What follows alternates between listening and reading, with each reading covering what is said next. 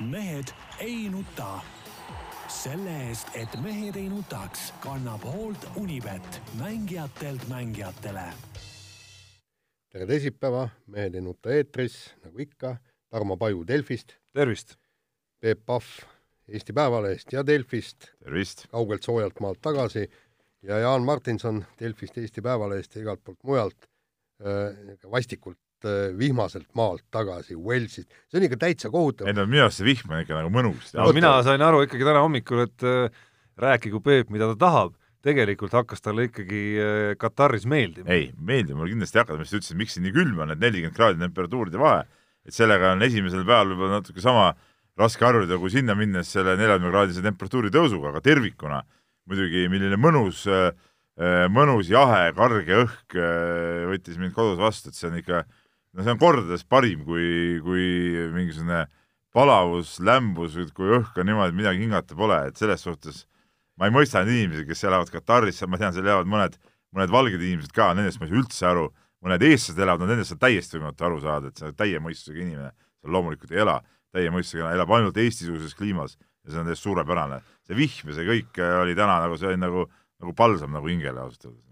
Jaa, aga, aga näiteks seal roheline, saad aru, ma tulin veel, siiamaani on ju metsad on ju rohelised või, või no ma täpsustan siiski ja?, rohelusest on selles mõttes asi kaugel, et hetkel on ju ikka nagu kõik värvid esindatud. no jaa, ei ma ei oska öelda. ja need vaated, ma kahtlustan, et sul teel vasale on päris ägedad. on väga, päris ägedad jah, et, et ütleme, meil on palju lehtpuid seal ja ja kirjus ja, ja rohelisus ja see kõik, no siin ei ole midagi rääkida, see on nagu öö ja päev. sündinud nagu romantik, sündinud romantik. see on nagu päris koht ja see seal oli nagu, see oli mingisugune, ma ei tea, mis kuradi asi. aga kusjuures ma ei saa aru, et see Wales ja Inglismaa, seal on, seal on Wales on ka väga mõnus koht.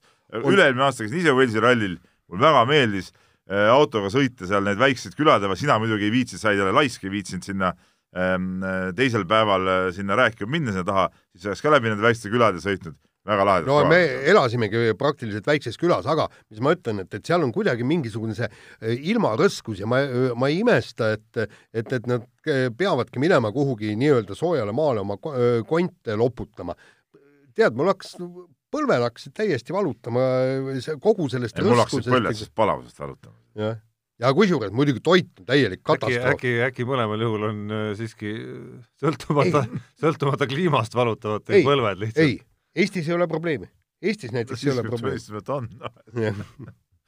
nii, aga toit on muidugi täiesti kohutav ja, ja, ja, ja õnneks äh, Hyundai pakub, itaallasest kokk pakub süüa sealt vähemalt saab. jaa, aga ainuke asi undes, kui nad selle, selle lambalihaga tulevad, et siis on lõuna muidugi rikutud ei, lambalihaga jah. täiesti õudne on see, see lambaliha, õnneks seal on alati valikut. ma soovitan sul siiski minna härra Adamo juurde ja pretensioonid ikkagi nagu otse esitada.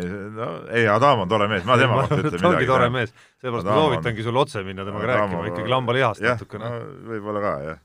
aga kusjuures, kusjuures kõige toredam mees WRC sarjas on Adamo. ta andis ka ühe kõige toredama intervjuu äh, Walesi ralli lõpus. Peep, sa olid ära, sa ilmselt ei näinud seda, aga teleülekande lõpus oli, oli temaga ikka nagu noh, see oli niisugune kuld, et et, et ma soovitan sulle üles no, sa, samas muidugi, ega see ajakirjaniku küsimus on ka, küsib Craig Brainiga, et kas sa jäid Craig Braini sõiduga äh, rahule või mis? ei, ta küsimus vist oli isegi, et kas oli nauditav. oli nauditav, jah. jah, jah. jah, ja siis ütles, et kuule, kui vend paneb üle katusse, siis ei saa naudita olla. kusjuures, mis Adamo kohta äh, võib öelda, on see, et, et ta Äh, kui ajakirjanikke näeb, eks ükstapuha, siis alati noh, seal äh, to-, nii-öelda toidutelgis ja kõik, soovib neile head isu ja kõik, ta on hästi-hästi niisugune viisakas, sümpaatne. tema on üks mees, kes käib ju, kui autod tulevad service sisse, tuleb sinna meediaalale tihtipeale vastu autodele. no praktiliselt iga kord, jah, jah. ja ka päeval, et sisuliselt selles suhtes ta on, ta on äh, tiimijuhtidest minu arust nagu ainus praegu, kes niimoodi käib just. kuule, poliitikast vist ei räägi või ega me ei teagi, mis siin Eesti, jumal tänatud. poolteist või rohkem nädalat ära olnud, et ma ei tea nagu, nagu eriti midagi, ma loodan, et valitsus püsib. kusjuures, et see on üsna õnnistatud olek, Peep. ma loodan, et valitsus püsib, et, et muud, muud midagi hullu ma siin ei näe. Läheme edasi. nii, Peep. püsib, püsib. räägi, käisid kergejõustiku MM-il, kaks hõbemedalit ja, ja täna just lugesin soomlaste artikleid, nad olid nad olid noh, ütleme nii, nii maa sisse ennast tampinud sellega, et, et nad ei saanud midagi, parim oli siis odaviske neljas koht, eks, ja kusjuures nad, nad rääkisid, et me ei saa rääkida ressursi ja tingimuste puudumisest, kui eestlased võidavad öö, kaks medalit ja kusjuures seal öeldi, et lõppkokkuvõttes peksame me oma treenerid, kes ei suuda juunioridest kasvatada täiskasvanute medalimehi, peksame nad minema ja öö, palkame Eestis treenerid. oli, oli öö, ühe kommentaari viimane lõik, kõlas nii. Kaks hõbedat MM-il, mitte kunagi varem ei ole muide kergejõustikus eestlastel seda juhtunud. No, no, on, juht, on juhtunud kuld ja hõbe lihtsalt ühel MM-il kahte medalit me oleme võitnud küll. kaks tuhat viis pärnik võitja Kanter Hõbene. aa, okei okay., jah, aga, aga siiski see Vaat... no olümpiat juurde pannes saame veel ja. rohkem neid võistlusi, kus meil kaks medalit on. kergejõustikus? jah. olümpial. kas ei ole või? nii, ma, laseme kiiresti peast läbi. Ma julgen nüüd, nüüd sa nüüd panin mina puusse. aga, aga ütleme niimoodi, et, et tegelikult äh, äh Värniku äh,, Värniku, Kirdi medal oli oodatud. Uibo medali kohta räägiti, et noh, nii ja naa no,, et võimalus. lugesid minu MM-i artiklit, siis ma seal pakkusingi välja kaks medalit, noh. ja me täpselt õiged mehed. jaa, võima-, võimalus oli ja kusjuures mulle meeldis, et, et, et Uibo võttis just selle hõbeda, ei saa keegi näpuga hakata näitama, näed, et Maie katkestas ja no ei, mis tal viga. Maie katkestas, ega see, kui keegi katkestab, ega siis see ei ole selle medalivõitja süüa, see ongi ei, spordi muidugi. osa seal seal oli katkestajaid veel ja nullisaajaid, et see on nagu näitaja, et ma ütlen nii, et see, see Uibo hõbe oli emotsionaalselt ikkagi väga, väga kõva, kõva sooritus, et eh, noh, Kirdi võistlus nagunii rikkus see trauma ära ja tervikuna see odaviski võistlus nagu sellist emotsiooni mul isiklikult selle koha peal ei pakkunud, aga, aga kümnevõistlus küll oli nagu, see oli nagu, see oli nagu kaks päeva sellist äh, nagu õnnistatud olekut võib isegi öelda ja see, kuidas seal punkt punktis kõik teisel päeval läks, kuidas vaatasid, jälgisid ja mismoodi need nii-öelda need eeldatavad lõpptulemused, seal vahed olid ju, ju mõnikord seal üks-kaks kuni kümme punkti, eks ole, et see, et see mäng käis ju täiesti, täiesti võrdsel tasemel, seal neli-viis meest olid ju, olid ju mängus, et selles suhtes no, no suurepärane võistlus ja ma ütlen, suurepärane sooritus Maicel Uivo poolt, et ta sellest sellisest ülitihedast äh, võrdsete meeste konkurentsis selle hõbeda välja õngitses, et see oli, see oli väga kõva asi. No ütleme niimoodi, et, et ega tal seal ju hetki oli, võta kas või see tõkkejooksu start, ma täitsa arusaamatul moel, kuidas ta selle nii-öelda jalg vajus alt ära, et seal tähendab, kõigi eelduste kohaselt ta pidanuks sinna tõkke, esimesse tõkkesse täiega sisse sõitma. ei, ta paikas selle ära ja jooksis veel kas mitte isikliku margi või igal juhul väga hea jooksu tegi seal, eks. ja, ja, ja kuidas ta, kuidas ta seal äh, igalt poolt, noh, teivas hüppes, eks äh, sai viis nelikümmend, väga kõva sooritus, jah. ja, ja no, lõpp... aga kõrgusest ta tegelikult ja ju kõrguses, läks, läks, läks, ei läinud nagu ludinal see asi nende kõrgusteni välja. just, aga, aga lõpus, et minna veel tuhat viitsadat ja, ja, ja läks veel kaasa veel äh, Kauliga, kauliga kaasa, eks ole, et, et noh, sellest ta ütles õigesti, et et noh, et äh, poleks kaasa läinud, läks seepärast kaasa, et ei oleks nagu pärast seda mõtet, et et mis oleks saanud, kui, eks ole, noh, läks ja proovis, ei saanud, aga sellega ta sisuliselt küpsetas need Äh, ülejäänud vennad ka ära, kelle, kes veel oleks võinud nagu teda ohustada. jah, kuigi seal äh, vene poiss vist ei läinud üritama. ta ei läinud vist üritama, mulle, mulle tundus, aga see Uibo tuhat viissada meenutas mulle jäänud aastanumbri võlgu muidugi, aga ühte legendaarset äh, sisesuurvõistlust, kus Erki Nool läks nagu üsna lootusetus olukorras, läks ikkagi üritama veel viimasel alal tuhandes meetris, jah? tuhandes meetris, noh, küpsetas ennast muidugi täielikult ära, aga vähemalt ei, sarnaselt Uibole ei jätnud endale siis mingisugust äh, küsimärki ka pea sisse tulevasteks aastateks, et huvitav, mis oleks saanud, kui ma oleks proovinud ikkagi. kogu selle Uibo hõbeda puhul ma korra teen ja. vahele äh, selle, issand, selle medalite asjaga selgeks, et loomulikult ma panin puusse, aga ajasin sassi suurvõistlusega, kus Kanter Tammert on koos olnud poodiumil. see on Euroopa meistrivõistluse Göteborg just, et see oli Euroopa meistrivõistlus. jah, hõbe ja pronks. raputanud uhke päev. ja, ja tead, mind ajas hirmus tigedaks Uibo puhul tema hõbeda puhul just see, et kuidas selle Uiboga on se senimaani käitutud. et kui ta võidab sise MM-i pronksi ja siis tuleb komisjon kokku ja vaidleb ja ühe häälega otsustatakse talle mingisugune C pluss kategooria määrata, siis, siis solgutatakse teda, ta on ju, noh, kui me vaatame maailma edetabelit, eks, see on väga lihtne. Äh, ta oli eelmisel aastal maailma edetabelis, kas ta oli kolmas, kaheksakümmend viissada kopikaid, eks. nii. ja ei midagi, C-kategooria, selle asemel, et EOK äh, ülesanne oleks meie tippsportlane ei, välja ravida. kirjutasin äh, ka eilses just, lehes täpselt, et no see et äh, tõi seda kolm mingit punkti välja, et üks oligi sama punkt, no see on ju, see ongi jaburus ju tegelikult. no täiesti, noh. et, et, et nagu, et ei saa olla ainult niimoodi, et me vaatame ainult seda tabelit, jah, ma saan, mingi raamistik peab olema, see on nagu loogiline, eks ole. Aga, aga ainult niimoodi vaadata seda, et kui me vaatame nagu kergejõustikust tervikuna, noh, võtame kas või nüüd Janek Õiglase, eks ole, MM-i eh, kuues koht, eh, Rasmus Mägi MM-i üheksa, kes jäi napilt nii-öelda sellest kaheksast välja. no kuidas me saame öelda näiteks, et ta ei ole nagu väärt, et ta ei ole nagu potentsiaalne olümpiafinalist ja, ja talle ei peaks nagu maksma seda, seda tipptasemel toetust. see oleks, see on ajuvaba tegelikult. Noh. sama asi kõik see, mis uiboga on toimunud ja selles suhtes see uibo medal, noh, et siin võivad küll meie spordijuhid siin ka hõisata, et jaa, tore, vägev, aga noh, tegelikult no ta ei ole nagu selles suhtes nagu Eesti spordisüsteemi medal nagu mitte mingist otsast no.. No, nii palju vist tuleb müts maha võtta, kui EOK selle komisjoni liikmete juures on inimesi, kes ju vaidlesid vastu sellele, et, et Uibo isegi nagu sellel tasemel toetuse peale saaks pärast oma sise-MM-i medalit. siis nii palju tuleb müts maha võtta, et vähemalt Kergejõustikuliit tuli selles, selles olukorras appi ja, ja maksis seal vist mingi vahe kinni. jah ja aga, aga see, et, et nüüd nagu Uibo kirjeldas kogu seda teekonda ja kui ta ütleb, et, et ta peab Bahamal äh, abikaasa isa äh, siis peale ülikooli jah, tal oli ja, ja, just, auk sees jah ja.. just, ja, ja, ja, ja siis ka, kui ta vigastustega, eks no põhimõtteliselt ega noh, ta on nagu mõneti üksi jäetud ja me ei pea seda eeldama, et, et sportlane tormab nüüd siia Eestisse, hakkab siin Eestis mööda arste käima ja vigastusi ravima. meie asi on ta korda teha täpselt selles kohas, kus ta treenib ja ette valmistab. tal on täiesti õigus treenida ja elada Ameerikas ja võistelda Eesti eest. Noh. ei, seda muidugi, noh, loomulikult. aga noh, väga kõva ja ütleme seal, ütleme seda äh, punktireservi tegelikult on ju ka, et noh, ega ta isiklikult summa annab ju tegelikult juba praegu rohkem kokku kui kui Noole Eesti rekord, okei okay,, selge see, et kümnevõistluses nagu see asi nii päris ei käi, et no ütleme selleks, et Erki Nool, selleks, et Erki Nool pidi jõudma oma rekordini, pidi tema isiklike tippsumma olema üheksa tuhat kakssada nelikümmend punkti, ehk siis nagu üle neljasaja punkti rohkem.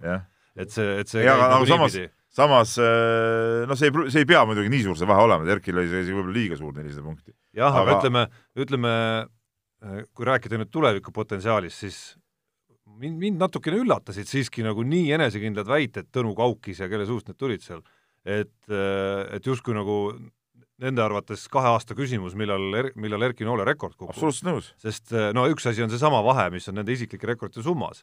ehk siis, et enne peab ikkagi mingitel aladel selgelt ka progress toimuma, kui see potentsiaal, kui see kaheksa tuhande kaheksasaja viieteistkümne punkti ja. progress nagu päriselt äh, saaks teostuda ja siin on mul küsimus, millele ilmselt Uibo ja tema treenerid teavad vist ainsana vastust, et kui reaalne see ikkagi on, et ma ei tea, saja meetri kiirust juurde tuleb, et nelisada meetrit no, aga ta rääkis, lugesin intervjuud, mis ta andis, noh, aga ta ju rääkis sellest, et et ta on seda kiiruse trenni nüüd juba viimasel aastal kõvasti teinud ja, ja sellega on vaja edasi töötada ja, ja ja, ja, ja nii ongi, et, et see on võetud selgeks eesmärgiks, et joosta stabiilselt sada meetrit ikkagi kümne sekundi sisse, noh, see on nagu üks, üks point. Aga... sealt, sealt tulevad muud asjad ka tagasi, et praegu on ju see, ta kaugushüpe ju ei ole ta parimate pea tasemel praegu, eks ole, saab kiiruse asjad korda, on ju lootus, et kaugushüpe tuleb ka tagasi samal tasemel, et saab neljasajast sealt punkte võtta juurde, kui saab lõpuks joosta seal natuke ikkagi kiiremini kui, kui praegu ja see on aga mehel enda ikkagi selge eesmärk ju. just, aga noh, ma ei mäleta, kas selles intervjuus või mõnes teises tunnistas ta ka ise, et, et kiirus tuleb tal raske. ja seesamas intervjuus jah, ja läheb kiirelt. jah,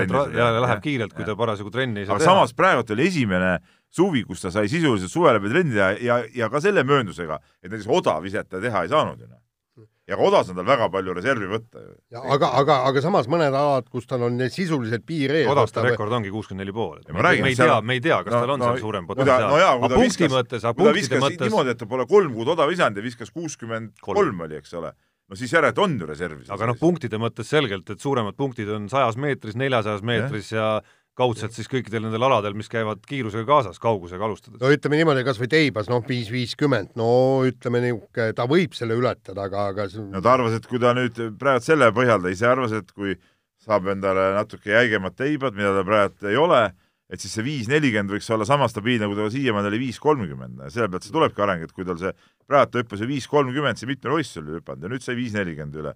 ja ütles, kui tal jäigemad teibad ja see viis nelikümmend muutub tavaliseks, siis saab sealt edasi ka minna ja see on no mina näen küll, et tal on reservi igal juhul. ei no reservi kindlasti on, aga, aga mitte nii, et tõesti, et noh, et, et nüüd maja ja mõisa peale, jah. seda muidugi mitte, noh tase on juba selline, et kaheksa tuhat kaheksasada ei olegi see just, tase, kus, kus nüüd nagu kindel oh, igal juhul teeb ära, aga no variandid on igal juhul olemas nagu. aga mis oli huvitav selle võistluse juures veel ja ma pean muidugi vahemärkusena ütlema, vist Peep, sulle ka jagasin seda MM-i ajal, et et sellisel kujul kümnevõistlust kuidagi väga südamelähedaselt tore on vaadata ikkagi, noh, vahepeal oli aastaid, kus, kus see suurvõistluste kümnevõistlused võib-olla nagu, kuna meil ei olnud nagu nii suured, suures mängus kedagi, ei olnud nagu nii äge aga, aga see selleks, aga mis puudutab konkurentsi, siis äh, teisest küljest me nägime ju pilti ja, ja olümpiale vaadates näeme pilti, kus see võib isegi ootamatult konkurentsitihe olla ja mitte kuskil kaheksa tuhande neljasaja, viiesaja punkti tasemel, vaid ikkagi sada, kakssada punkti kõrgemal tasemel.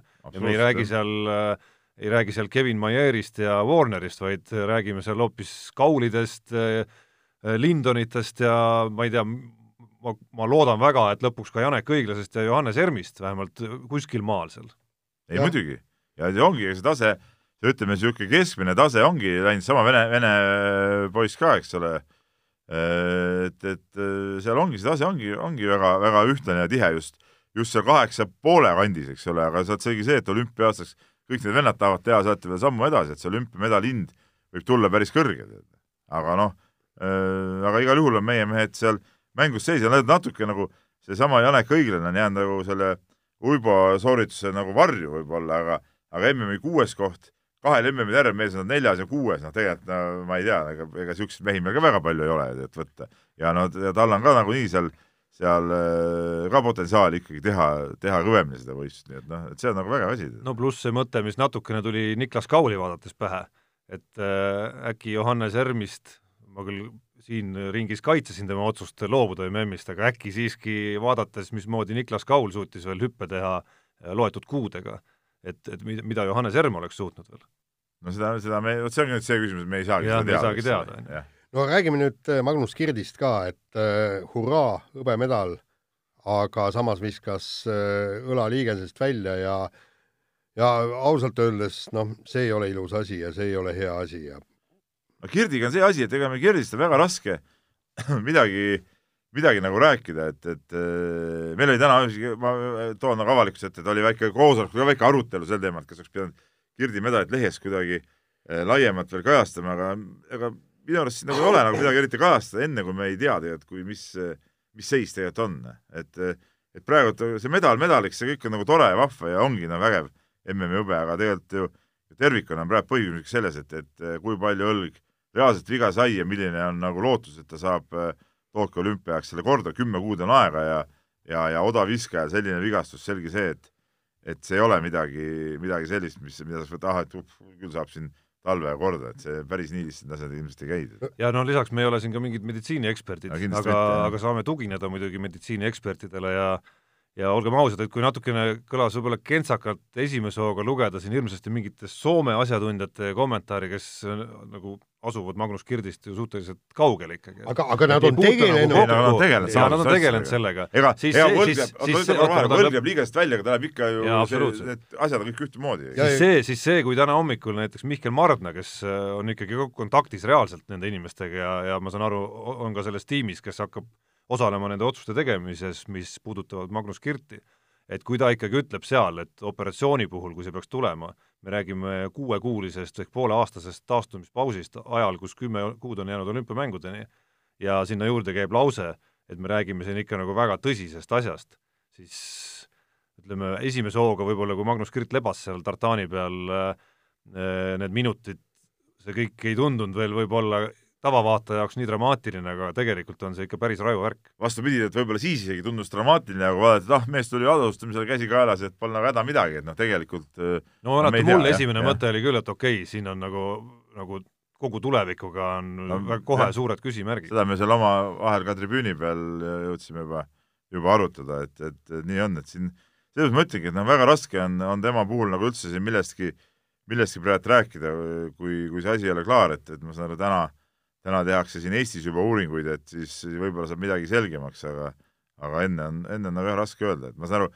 Jaan muidugi siin üllatas mind hommikujutuga, kuidas see kuidas hõbe oli nagu jama nagu Kirdi jaoks. ei, ei, see oli huvitav, huvitav arutelu, tegelikult mina siin üks kiri sel teemal tulnud ja mina algatasin tegelikult, Jaan võib kinnitada, äh, või ma võin süü Mehed, enda peale võtma, kui sa süüd tahad näha. saabusin tööle, siis mehed juba seal midagi oma diletantsuses äh, arutasid. asi ei ole selles, ma arvan, et asi on, nagu vaidluse kese on ju tegelikult see või küsimus, mida võiks korra püstitada, et kui odaviskeseis, ootame, et õda, õlg oleks jäänud terveks, kui odaviskeseis äh, oleks jäänud selliseks, nagu ta oli, ehk siis viiendal ja kuuendal katsel Magnus Kirt ei oleks parandanud oma tulemust, siis äh, kas ta oleks, kui rahul ta oleks selle hõbeda üle ikkagi olnud?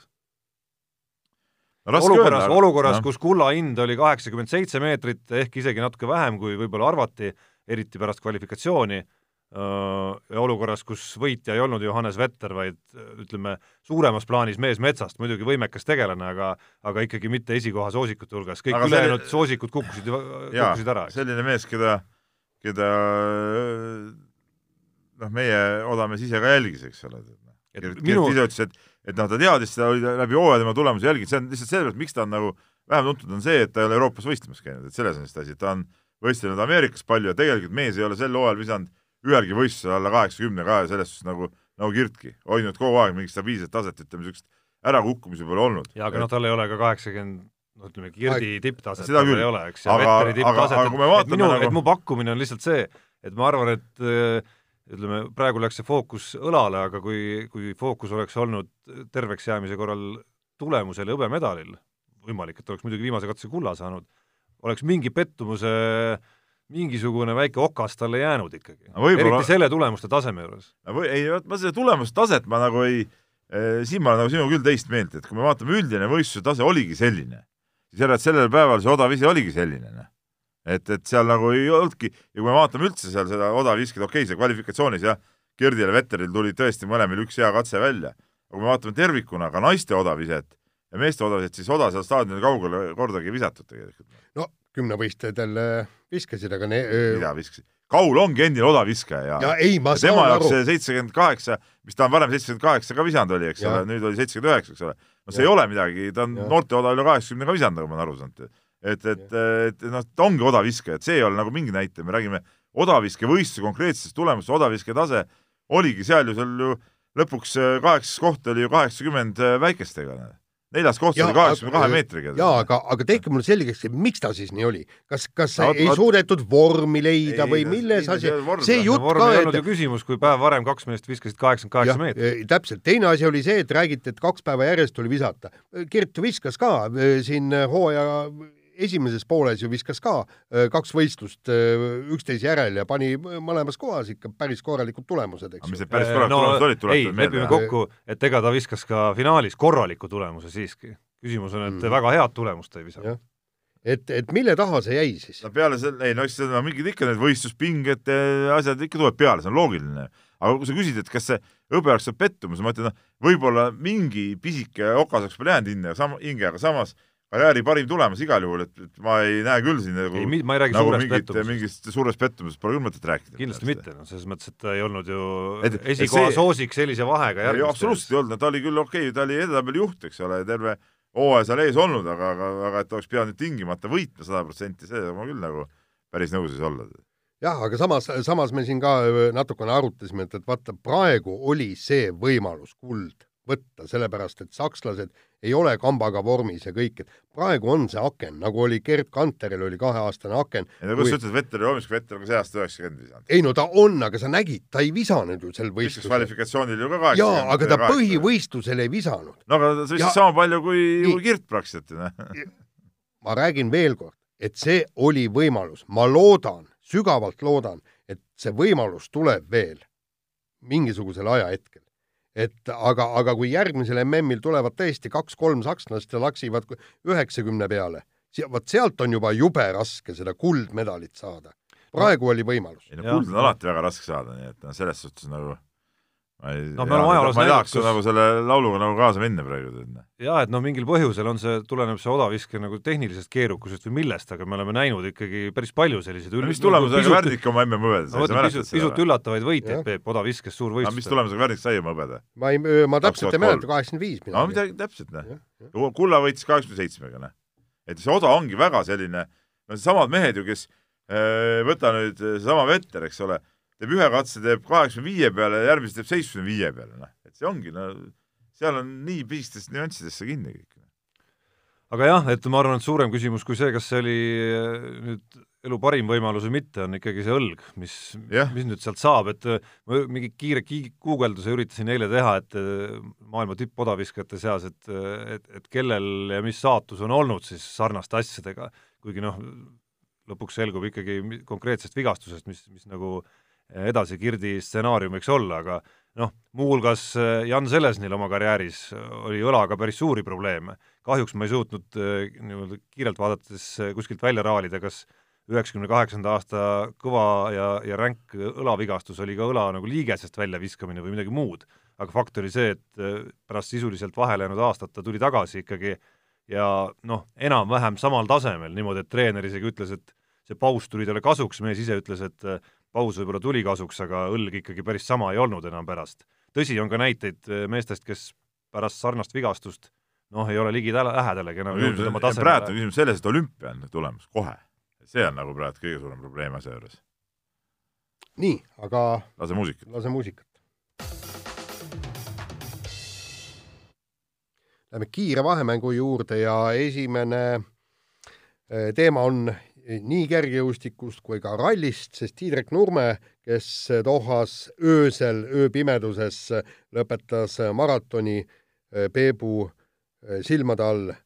esimene küsimus oli, et, et kuidas Ott Tänakul on läinud, kuidas tal publiku katsel läks? jaa, Tiirak Nurme on suur Tänaku fänn ja jälgija, ta, me rääkisime paar päeva enne võistlustki taga sellest, ta ütles, et ta kogu aeg jälgib Tänaku tegemisi ja selles suhtes see küsimus võib-olla nii üllatav ei olnudki, aga tegelikult ma tahaks nagu rohkem ikkagi rääkida sellest tervikuna nagu sellest maratoni jooksust ja ja pärast maratoni jooksu Mikk-tsoonis olek on alati väga selline oma, omaette elamus, vaadata kõiki neid äh, vendi, kes sealt tulevad, et kelle pilk on nagu täiesti kustunud, eks ole kes annab intervjuusid siis vahepeal, meil kõrval oli üks Jaapani maratonijooksja, ta lõpetas vist äkki natuke enne Tiidrakut või oli ta natuke pärast, enam-vähem sama, sama tasemel vend oli igatahes, kes kõigepealt äh, tuli, selle õõtsust andis, tegi oma kummaluse, andis mingi teleintervjuu ära ja siis kõndis natuke edasi, meie kõrval olid Jaapani ajakirjanikud, siis nendele intervjuu, siis intervjuud andes, kui keegi filmis, mehel tuli täiesti null punkt tuli, mul oli vahepeal tunne, et ta oli tukkumas seal lihtsalt, et ta lihtsalt nagu oligi seal niimoodi, pea oli maas ja nagu vahepeal see käe peal toetus, mitte midagi ei rääkinud, lihtsalt oli seal niimoodi, no seal, seal igast vendi käis, kes, kes nagu lonkas Läti, Läti maratoni jooksul tuli niimoodi longatas, ma mõtlesin, kuidas ta jooksis üldse, et noh, et kuidas ta siis käiagi enam ei tead, noh. et, et no see on, nad on ikka täiesti, täiesti mingis omas maailmas ja, ja ega sellest kogu väljatulek on keeruline. ma rääkisin päev hiljem äh, seal, kui ootasime Magnus Kirti tulemas sinna nii-öelda nagu medali tähistamisele ja Roman Vosti ütles, et noh, ta on nüüd natuke maganud, et et sai unetablettidega magada, aga lihtsalt Indrek Nurme polnud selleks hetkeks veel magama äh, suutnud jäädagi, see kakskümmend neli tundi maratonist möödas.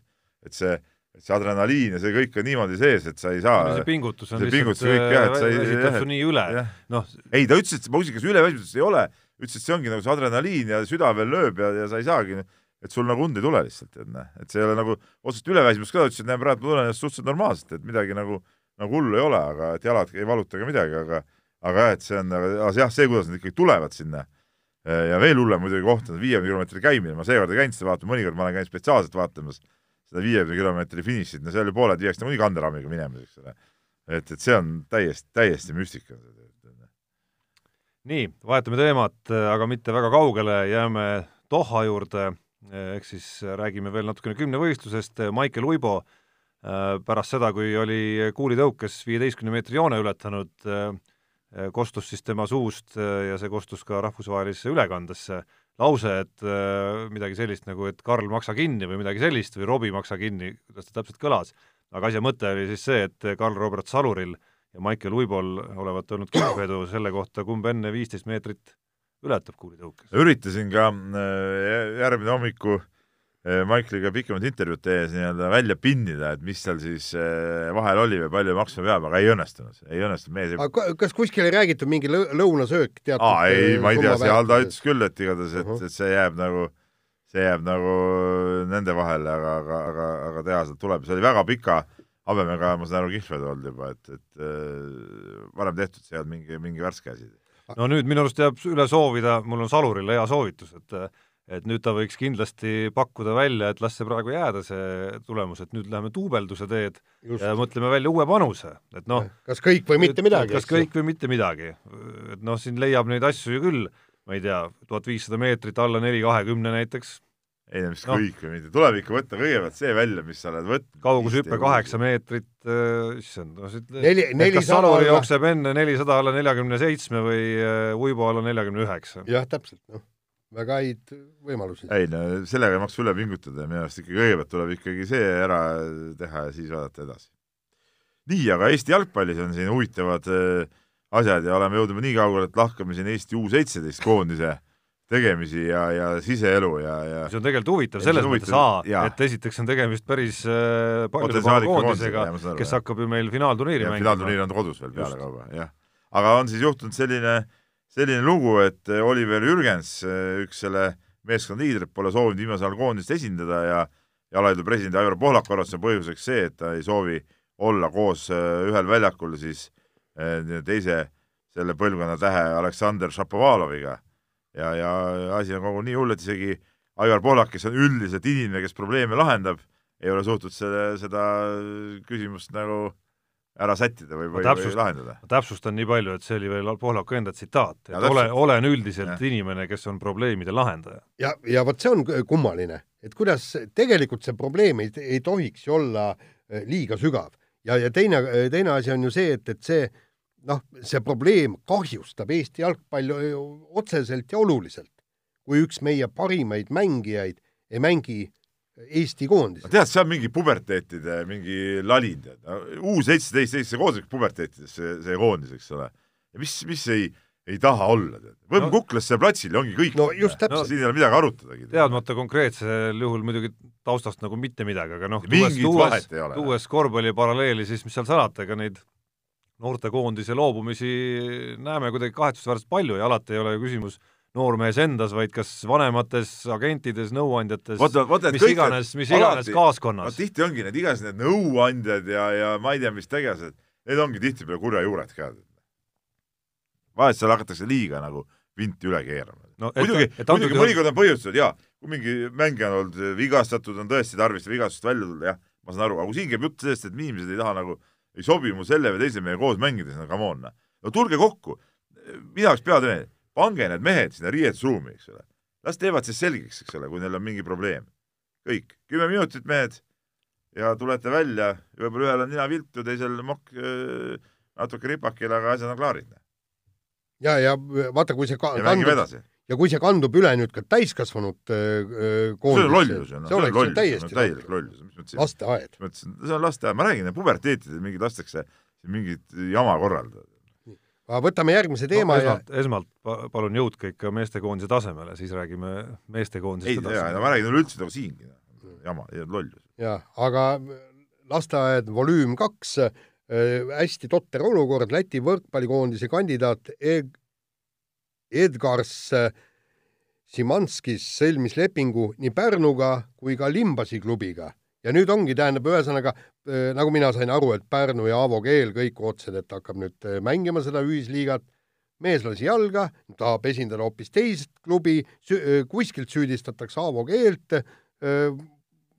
samas noh, tähendab, see on nii totter asi, et mina sellest, ma lugesin selle Märt Roosna artikli läbi ja ausalt öeldes, ega ma ei saagi aru, kuidas saab niisugune asi öö, olla võimalik, et, et sul on allkirjad kahel lepingul. ei no maksab see leping, mis varem sõlmitud, loogiline. siin ei ole üldse midagi arutadagi ju. ei no jaa, aga, aga, aga kui näiteks, vend ütleb Jaan, kui sa sõlmid näiteks Tarmoga lepingu täna, noh, et Tarmo juures hakkad, ma ei tea, lund kühveldama iga hommik, eks ole, ja siis minuga kolm päeva hiljem, et ei, tegelikult minu juures lund kühveldada no siis midagi pole teha, no sul on kehtiv leping eh, Tarmoga, noh, sa ei saa ei no aga ma ütlen lihtsalt Tarmole, et, et ei, ma lähen Peebu juurde lund kühveldama ja küll ma leian mingisuguse aga sa pead maksma talle valuraha siis. ei, no aga, aga praegu ongi ju niimoodi, et, et niisugune totter olukord, et mina saan aru, et mina ma saan aru, siin eh, võib-olla see päris Peebu kirjeldatud paralleel ei ole kõige täpsem, aga, sest noh, teoorias võib sul olla ka meie alal nagu mitu lepingut, on ju, kui need ei välista teineteist, aga Pärnu ja Limbaži eest korraga mängimine on selgelt välistatud et kui me nüüd spordilepingute maailma läheme, siis lugedes seda lugu ma saan ka aru, et, et tal oli ikkagi kehtiv leping Limbažiga sellel hetkel, kui Pärnu temaga lepingu tegi. aga sedapidi Ja et oli mina saan aru, et teistpidi oli et. ju ei, et ja jutt käis ikkagi sellest, et Pärnu peab kuidagimoodi ka siis nagu Limbašiga kokku leppima ja maksma mingisuguse aa, okei, tähendab, Kas- seal kas nüüd jälle seal- mingid uued seal detailid on. Ei, ma loen ka seda Märdi lugu. ja, ja, ja. Aga ei no aga seal, seal pidi olema, vend ise ütles, et tal ei ole, tal on kõik korras ja, ja t- siis on jälle mängija kü- mis ta küsimus. seal Pärnu lepingus tegi siis? noh, ei, väga tot- ei no seal on, seal on eri versioonid, noh et üks väidab, et, et Pärnu lubas Limbašile mingisuguse raha anda ja siis teine ütleb, et et algul küsiti mingit ühte summat ja oligi kokku lepitud ja siis ühel hetkel hakati rohkem nõudma, no ühesõnaga mingi niisugune pundar on ei tähendab, kui on leping ja kui on allkiri paberil all, siis järelikult tuleb selle, sellega käituda ja sellega elada, meeldib sulle see või mitte. aga tal on lepingud mõlema klubiga no, nii et ma ei tea. no fakt on see, et ta hirmsasti tahab mängida Limbaši eest. ma ei tea, mis tal selle Pärnu vastu nüüd on siis. ja miks ta üldse sinna trügis, kui ta ei tahtnud seal mängida? väga segane.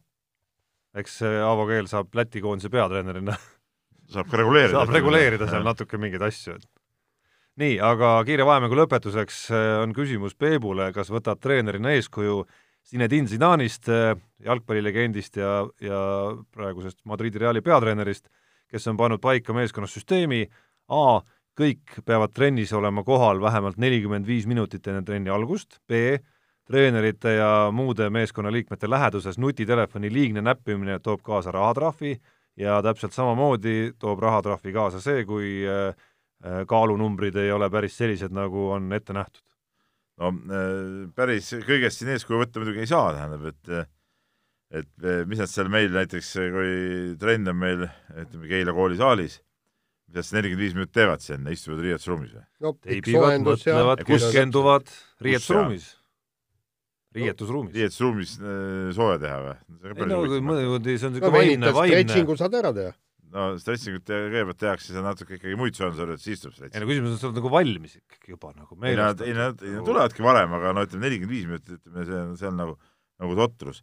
Aga ma ei tea, kas üldse telefoniga ei tohi siis rääkida või, või Ei, see oli naljakalt väljendatud. trenn ongi keela, nagu ei, see oli nagu huvitavalt väljendatud, et, et selline liigne nutitelefoni kasutamine, kui treenerid on lähedal, see saab bussiga karistada. saad mängule, kas see on nagu piisavalt lähedal, bussis näiteks ei tohi seda ma ei tea kasutada?, seda ei olnud võimalik välja lugeda. jaa, aga selge on see, et, et see nutindus on totrus, sa Ei, Peep nut- kirjutasid sellest seda päris hea kommentaari aga, ka. aga jaa, ei, ei, no ma, ei no Zidani toetame, sest Zidane on mulle alati meeldinud. aga, aga, aga nüüd, kuidas seda nüüd noortele selgeks teha, et see on jama, vot see on teine see on nagu teine küsimus, jah, nii on. Unibetis saab tasuta vaadata aastas enam kui viiekümne tuhande mängu otseülekannet. seda isegi mobiilis ja tahvelarvutis. Unibet, mängijatelt mängijatele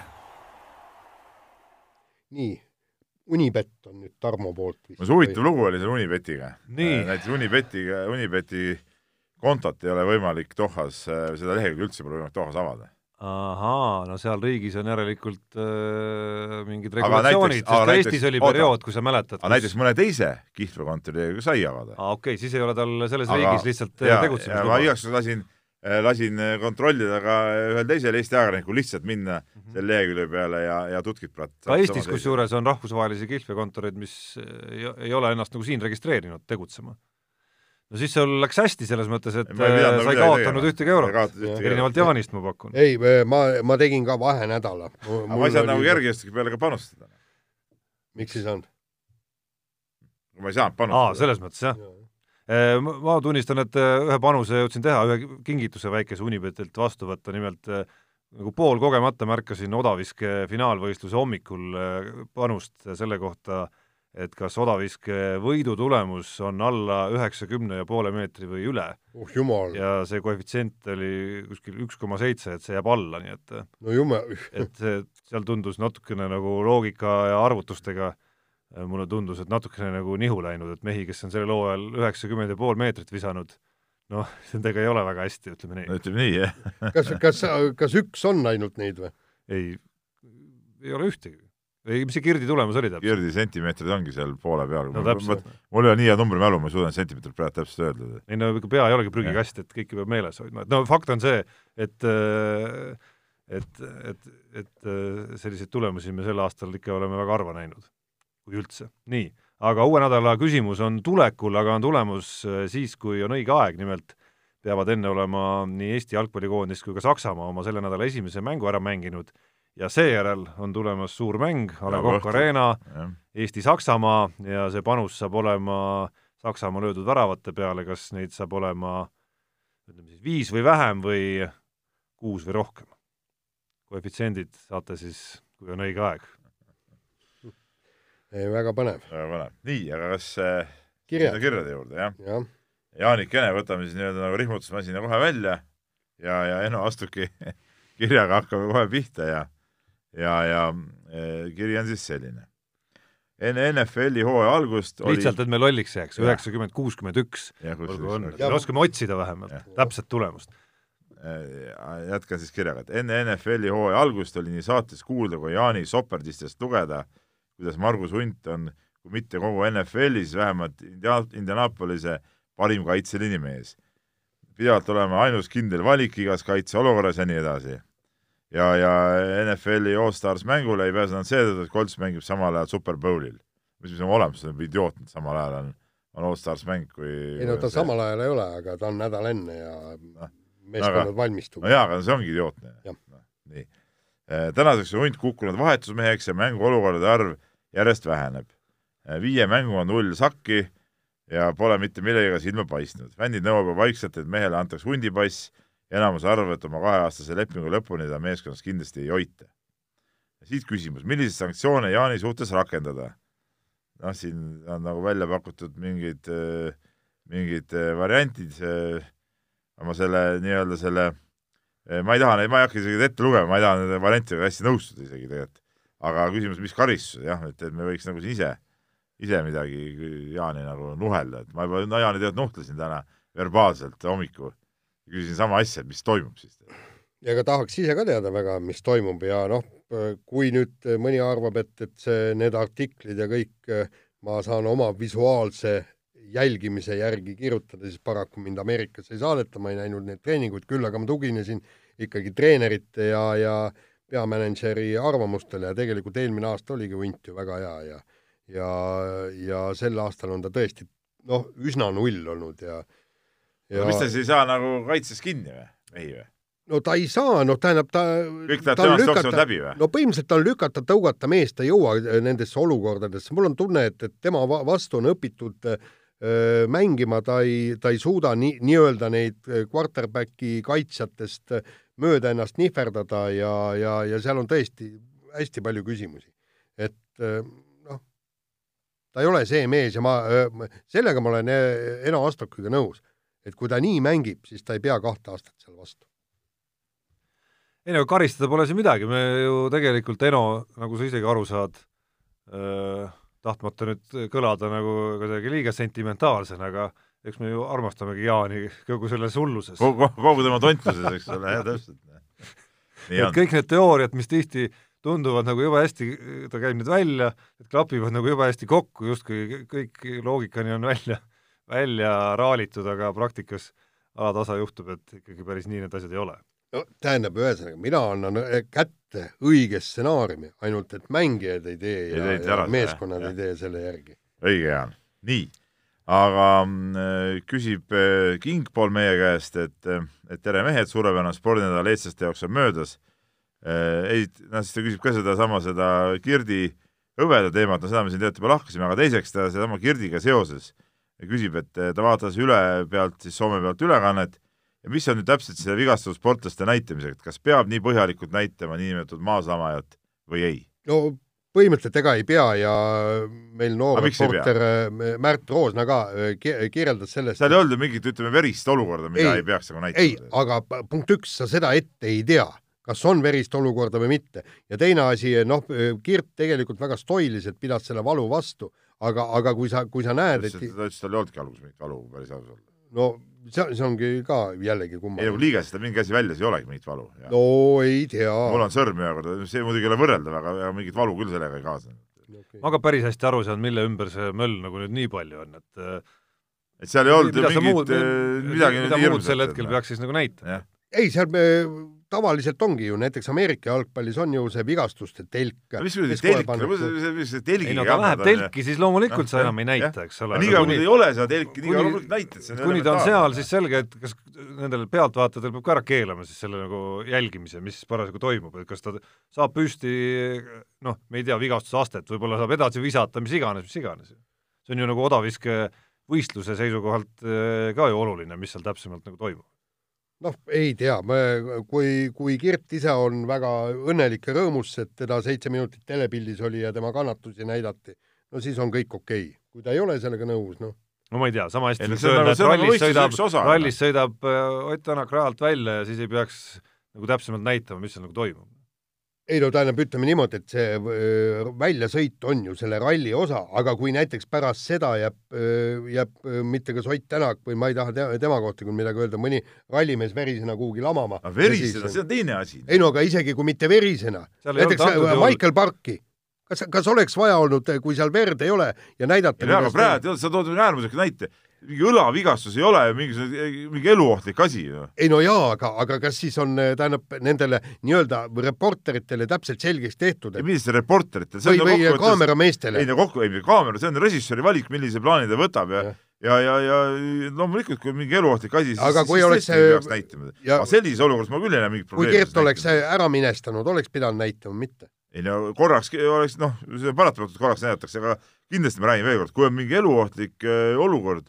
siis ei peaks kindlasti seda näitama, küll aga kui on mingi niisugune noh, tavaline spordivigastus, siis on nagu elementaarne. Noh. kui, kui jalgpallurid seal äh, rullivad mööda seda muru, me ka no kuule, nemad ei rulli ju tõsiselt no,. aga sa ju ei tea seda, Jaan sa ei tea ju seda praegu, sa ütlesid, sa praegu ka ei teadnud ju noh. noh, mis vahe seal siis on? nojah, eks igaüks äh,, igalühel oma arvamus. kui sa jalgpallimängu tõid, siis lihtsalt vahemärkusena äh, see vist kas leidis aset samal või erineval päeval äh, kui Liverpooli jalgpallimeeskond äh, mängis oma Inglise liiga mängu, vist oli päev varem, seal lahendati asi ära üle aja minutite penaltiga, kus äh, Sadio Mane vist no ütleme, tehti viga, aga no mitte eriti nagu tõsine viga, selline natuke vaieldav penalti, kuigi viga oli, aga noh, mees nagu haiget tegelikult selles olukorras kindlasti ei saanud saada, et jalad kaitsega läksid sõlme lihtsalt mm. -hmm. ja loomulikult järgnes sellele niisugune tohutu väänlemine seal väljakul ja siis kontrast sellega, mis toimus siis seal odaviskesektoris, kus inimene nagu viskas, viskas, viskas liigesest oma õla välja, aga siis lihtsalt rahulikult pikutas, onju.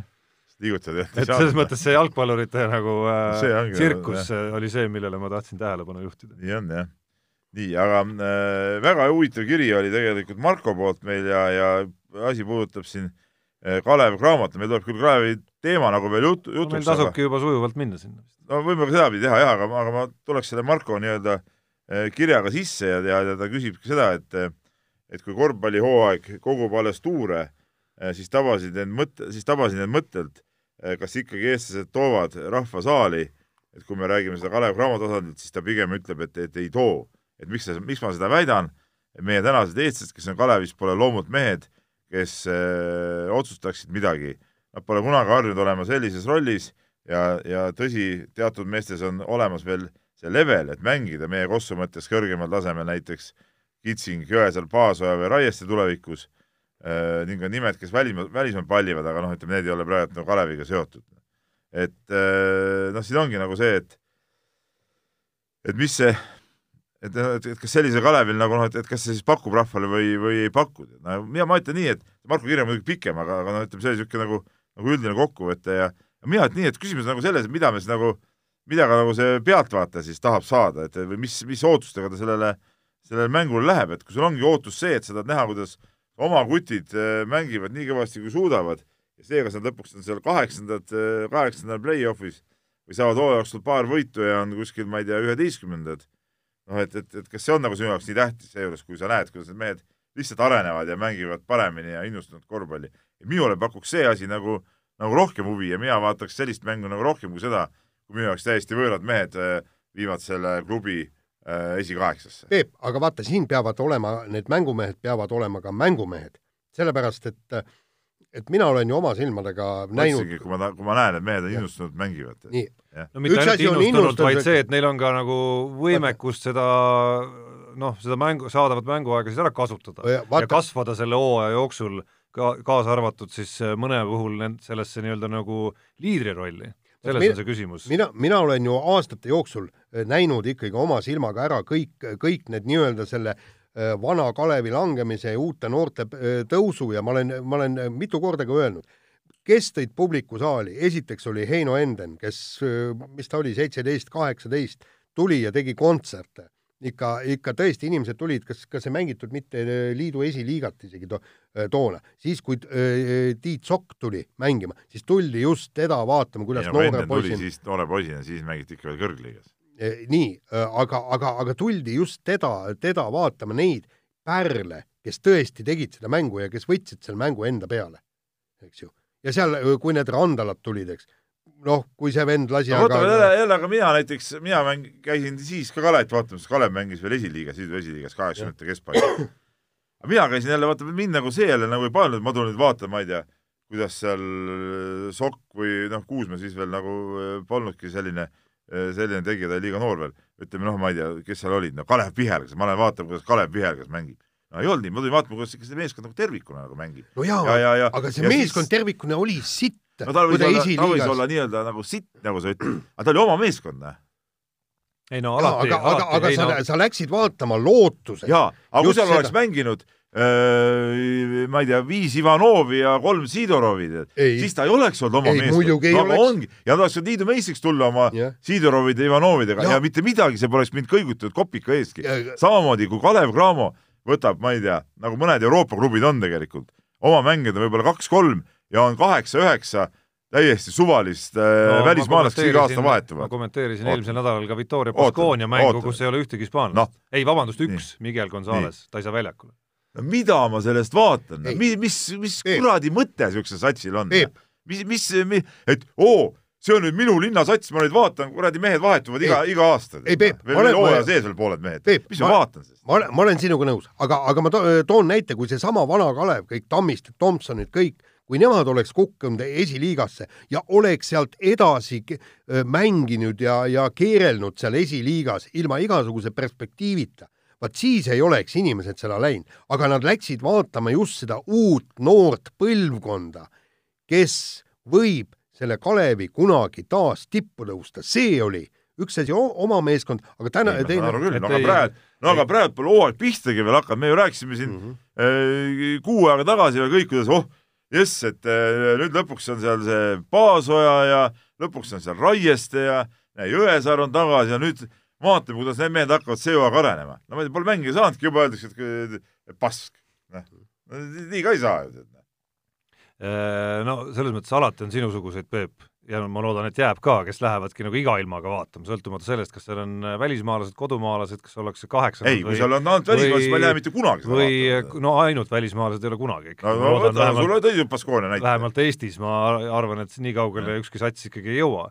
aga, aga selge, et noh, lõpuks tahetakse ju ideaalis ikkagi mõlemat näha, tahetakse nii tulemust kui ka oma mehi edukalt mängimas näha ma arvan, et see hooaja algusega veel ei juhtu mingisugused draamad, sest lõpuks mingisugune nagu kasvuaeg ka antakse, aga aga kui näiteks see hooaeg hakkab kulgema niimoodi, et noh, et keegi ei suudagi tõusta siis ütleme, sellisest nagu rollimängija staatusest selliseks edukaks vedajaks, noh, siis paratamatult ma arvan, et mingi pettumus käib sellega kaasas. ma loodan, et nii ei juhtu, et noh, ma arvan, et Janar Jõesaarel on nagu potentsiaali, mul on hirmus kahju, kusjuures kui ma neid esimesi mänge olen vaadanud siin ja natukene ka seda, mida meie mehed välismaal teevad, et, et, et lõpuks nendest, keda taheti, nendest eestlastest, Kristjan Kullamäed ei saadud ka siia punti.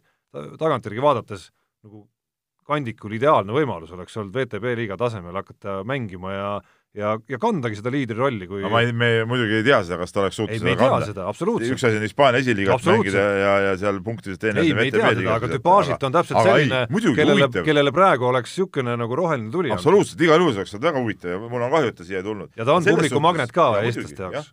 ja selles suhtes ma olen Markoga nõus, eks ole, kus ta kirjutab ka siin see kirja lõpus, et oleks suurepärane, kui näiteks Raiest, Jõesaar, Paasoja teevad seal seitse kuni kaksteist punkti stabiilselt mängus, no seitse kuni kaks, kaksteist punkti mängus on juba nagunii üks liidritest, eks ole. aga nende kõrval peavad kindlasti olema ka Elegarid ja Multerid ja Lewised ja Brottenid. jah, täiesti nõus, loomulikult. ma ei mõtlegi seda, et seal peab olema kaksteist Eesti meest, mitte seda ma ei mõtle. aga äh, paar tugevat välismaalast, ma rõhutan, tugevat välismaalast, pluss siis omad mehed, vot see on nagu see ideaalne kooslus, kus noh, nagu võtame seesama see noh, see Salger isegi, okei okay,, seal on isegi rohkem kui paar tugevat välismaalast, aga seal on oma meestega, ma kogu aeg räägin, oma meeste roll peab olema ikkagi nagu suur ja see on see, mida see Kaunase publik tuleb vaatama sinna, et just need oma vennad seal ju mängivad, see on nagu, see on nagu põhiline. et ses mõttes mulle see nagu Kalev Cramo ülesehitus meeldib, aga küsimus ongi, nagu sa viitad, äh, nende nii-öelda tugevduste tasemes ja hetkel oleme need välja vahetanud ja ega mul nüüd sisemist veendumust ei ole no see, kahe uue mehe tausta vaadates, et, et, et siin mingisugune oluline kvaliteedihüpe toimus, loodetavasti ma eksin. kuule, meil olid mõned huvitavad kirjad muidugi ära, aga nad jäävad teiseks korraks, et siin teadlane Priidik kõik olid kirjutanud, aga jäävad järgmiseks korraks. tundub, et me peame ralli juurde üldse hüppama. nii, mis see kell on? jätma siin, no Kalevist me rääkisime, tahtsime ära markeerida veel eesootavad Eesti jalgpallikoondise mängud ja Ragnar Klavani otsuse äh, nendest loobuda, mis mulle tundub igati mõistlik otsus ausalt öeldes, tema karjääri vanust ja sellist tervislikku seisundist vaadates viimasel hoo-. ma ei ole aru saanud, et mis selle, ma saan aru, okei okay,, ta sündis perekonda laps, see on nagu mõistetav, aga see sündis ka juba nagu ära, et miks nagu nüüd ei või juba mängida. aga no nagu väiksed vigastused ka ja tegelikult aga ma saan aru, et tervis oli korras, öeldi ju. tervis oli korras, aga noh, see on alati suhteline. Peep, mina olen sellega nõus. minu aeg on möödas, las noored sebivad. aga siis tuleb ära öelda, et ma üldse ei tule koondisse. eriti veel tsükli viimastes mängudes. ei, miks, miks peab ütlema lõplikult? praegu tsükli viimastes mängudes las noored proovivad, uus tsükkel, kui mees jaksab, tervis lubab. ei no see on sama loogika, kui sa räägid siin nagu USA korvpallikoondis, ah ma MM-il ei tule, olümpiale tulen küll. no antud juhul me ei räägi nagu mingist sellisest valimisest siiski, minu arust on täiesti mõistlik hetk jalgpallikoondises nagu lasta tal hetkel puhata, ma ei näe mingit probleemi. ei, no kui otsus on selline, ei ma ei, otseselt ka mitte, kuigi ma leian, et koondises peaks ikka parimad mehed olema, seegi see, et tema puudumine meie koondist igal juhul nagu nõrgestab praegusel hetkel. nii häid mehi aga tulevikku silmas pidades saab üks me-, vend kahes mängus mängukogemust. nii. püüda niikuinii midagi autoralli. autoralli, käisin Walesis, aplodeerisin Ott Tänakule, vend võttis jälle kakskümmend viis pluss viis maksimumpunktid, nüüd on Sebastian Ogier'ga vahe kakskümmend kaheksa punkti, ühest küljest hea et äh, nõnda palju, kaks rallit on veel jäänud, teisest küljest äh, noh, võib napiks jääda, kui tõesti, võtame selle kõige hullema stsenaariumi, Toyota laguneb Kataloonias ära, Ogier võtab kolmkümmend pluss viis ja juba on vahe tema kasuks kaks punkti, aga selge see, et Ott Tänak, nagu ise ütles ka, et šansid maailmameistritiitlit võita on temal praegusel hetkel väga head noh, mis head, head on selles mõttes, et klaar, no, Kataloonias võit no., Kataloonias võit või Ogier edestamine ja, ja enamikel juhtudel asi ongi nagu lõplikult klaar. et eh, saame, hoiame nagu siia jalutades ka rääkisime stuudiost tulles, et Austraalia komandeeringu pealt saame see aasta vist kokku hoida. no see oleks kena, kuna mina pean sinna minema, eks ju. Lähed Aga..., lähed Jaan, ära hakka üldse siin. ei, me võime seda kaaluda ausalt öeldes, ma ei näe nagu erilist eh, küll mingit pinget seal minekul. lugejad ootavad, Jaan, ära vee alt jah, aga, aga, aga, teine asi, teine asi on, on tõesti see, et, et noh, mis minu jaoks oli ikkagi ja mitte ainult minu jaoks, isegi noh, Toyota tiimi boss Tommy Mäkinen.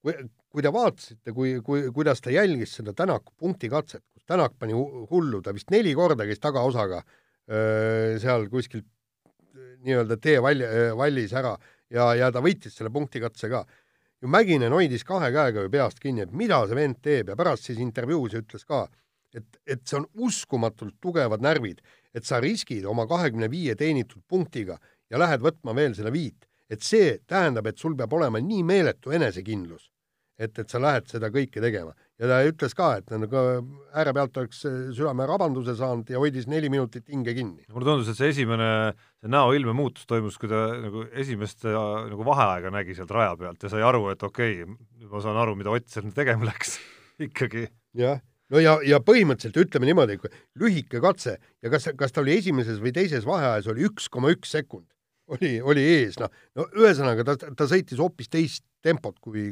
kui, kui sõitsid äh, teised vennad kõik. ja, ja, ja oli väike kahtlus, vaata, ma ju kirjutasin oma, oma loos ka, et, et kuidas ta suudab selle närvipingega toime tulla, kui sa oled nüüd maailmameistrivõistluste liider. ja, ja, ja see, see on erakordne, noh, niimoodi, et kui eelmine aasta tal ei olnud kaotada midagi, siis nüüd oleks olnud kaotada küll, eks ju. no pluss, pluss värskelt on MM-i üldseisus vahe vähenenud ja pluss kümne sekundi sees on sul need suured rivaalid terve ralli jooksul. ja, ja, ja kusjuures üks viga, mida me nägime, vaata see WRC tv on selles mõttes väga hea, et nad nopivad kõik eksimused sealt rajalt ikkagi ära ja Ott Tänakult läks siis kirja üks eksimus, kui ta viskas ühel hetkel öö, teele öö, külje ette, et kas tuleb spinn või mitte, aga ta ilusasti sulaselge rooli keeramisega parandas selle olukorraga hetkega ära, eks. Ja, ja, ja, ja sõita, sõita nii puhtalt äh, hästi, et aplaus. ma seda sõitu eriti kahjuks seekord ei näinud, et äh, WRC pluss töötas ikka Toomas?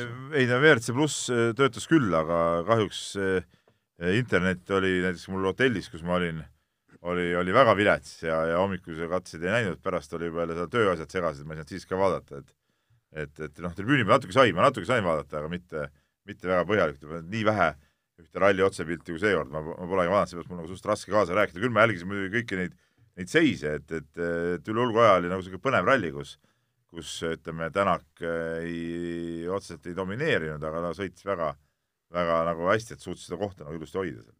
ja seda veel alguse väikse äpardusega, kus ta andis no, nagu veel ja, sekundeid ette. ja ilma domineerimata ta suutis ikkagi seda hoida, et vaata mõned rallid on nii, et kus ta noh, domineerib, võtab oma vahe ära, siis laseb nii-öelda poolpeenega lihtsalt nagu, aga seekord oli nagu ikka seda võitlust ja, ja momenti oli tunduvalt rohkem kui, kui mõnel eelmisel korral.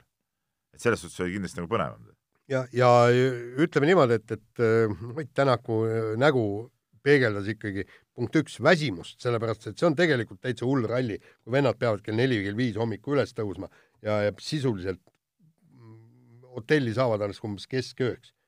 fännidega vaja veel midagi rääkida kõik. Teine asi oli ikkagi see kergendus, tal oli ikkagi, äh, see oli, see oli, see oli seal kuskil ühel, ühel kiiruskatsel, kui, kui äh, kui anti Tänakule teada, eks, et, et, et mis ta seis on ja kõik, siis oli no niisugune üsna, üsna niisugune lai naeratus oli näos.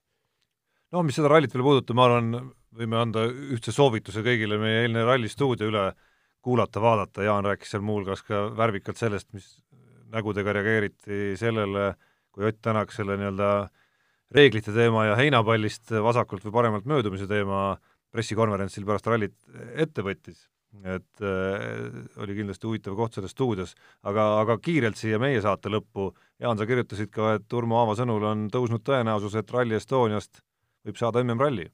kas tõesti? no tegelikult noh, ütleme niimoodi, jällegi ma maja peale kihla ei veaks ja ega tegelikult väiksemate summade peale ka kihla ei veaks, aga nagu ma sain aru, ikkagi äh, ralli, rallide korraldaja FIA tahavad hakata nüüd äh, rallisid äh, roteeruma, et, et ja, ja süsteem, nagu ma sain aru, on nii, et kaks aastat ühes kohas, üks aasta teises kohas, kaks aastat ühes kohas. Ja see, see ju sobiks meile nagu ideaalselt, nad tahavad teha sama nüüd Hispaania ralliga, väidetavalt Austraalia ralliga, eks, et kaks aastat Austraalias, üks aasta Uus-Meremaal ja see sobiks ju nagu rusikas silmaauku Soomega, kaks aastat Soomes, üks aasta Eestis. aga nad ise on öelnud, et see loksub paika kahe-kolme aasta jooksul no samas, samas muidugi oleks täielik selles suhtes idiootsus, et nagu Soomega meil seda vahetust teha. sest et no Soome ralli ärakaotamine, no minu arust see oleks nagu MM-sarja rüvetamine. Jaa, aga, aga nagu nad ütlevad, et puutumatuid ei ole. jaa, aga ma, no ma ei jaga seda, ma ütlengi, nad ütlevad, ma lihtsalt räägin, mis ma arvan. et seda, et need, need nad ütlejad, need ongi rüvetajad. ja, ja Peep, teine seal on veel puutumatud rallisid, mis peaks olema, Suurbritannia ralli, tegelikult peaks olema ka puutumatu Soome ralli peaks olema puutumatu. Monte Carlo. Monte Carlo, mis vahepeal oli ka mängust väljas. oli mängust, aga, aga nüüd juba muide Rootsi talveralli Rootsi talveralli, absoluutselt. no Rootsi talveralli võib täpselt samamoodi toimuda ka Norras. No Norra on varem ka toimunud, nad on mõlemad, mõlemad ka toimunud. ja on, on toimunud, jah. ei, aga, aga nad tahavad seda laiendada, anda räägin, võimalusi. et, et, et loomulikult ma tahan, et Eesti saaks ka MM-ralli ja see oleks väga, väga kihvt ja see iseenesest isegi võib-olla mõned need vahetused ongi okeid, aga peaks olema mõned puutumatud rallid, mis peavad olema alati. jaa, okei okay,, aga siis me võime roteeruda so-, Poolaga, kes ka no, väga näiteks, jõuliselt taha, tahab siia sisse tulla, jah. aga, aga, aga mis oli veel huvitav, see peapromootor Ciela nagu ütles, et miks anti Uus-Meremaale, ta ütles, et turunduslikult täielik tühermaa. noh, nagu põhimõtteliselt Eestigi, eks. rahvast väga vähe, aga ta ütles, et see, et, et et niivõrd populaarne on ralli Uus-Meremaal ja seal on meeletu fännibaas ja ütles, et, et seal sportlik pool käis üle ärilisest poolest ja, ja ma loodan, et ka Eesti puhul on, on nii. no WRC korraldajad tegid siis tagasi selle, et Hayden Bannon saaks järgmine hooaeg sõita ainult ühe WRC ralli no kui nad sportlikust poolest räägivad, siis, siis miks nad Uus-Meremaast alustasid?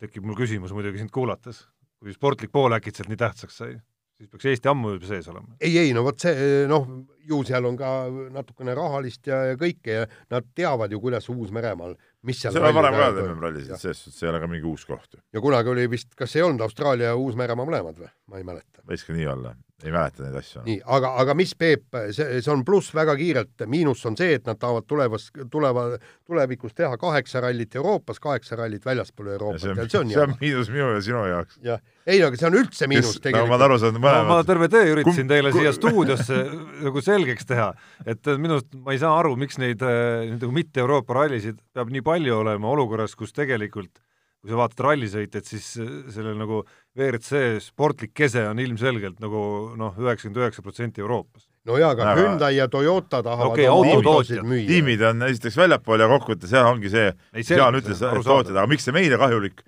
on see, et me kumbki Jaaniga ei ole erilised ütleme, Rännumehed. pikka, pikkade reiside fännajad, nii et see nagu meile nagu kahjulik. nii, aga sellega on nüüd saade läbi, kuulake meid nädala pärast ja olge mõnusad, nautige Eesti sügist. Mehed ei nuta. saate tõi sinuni Unibet, mängijatelt mängijatele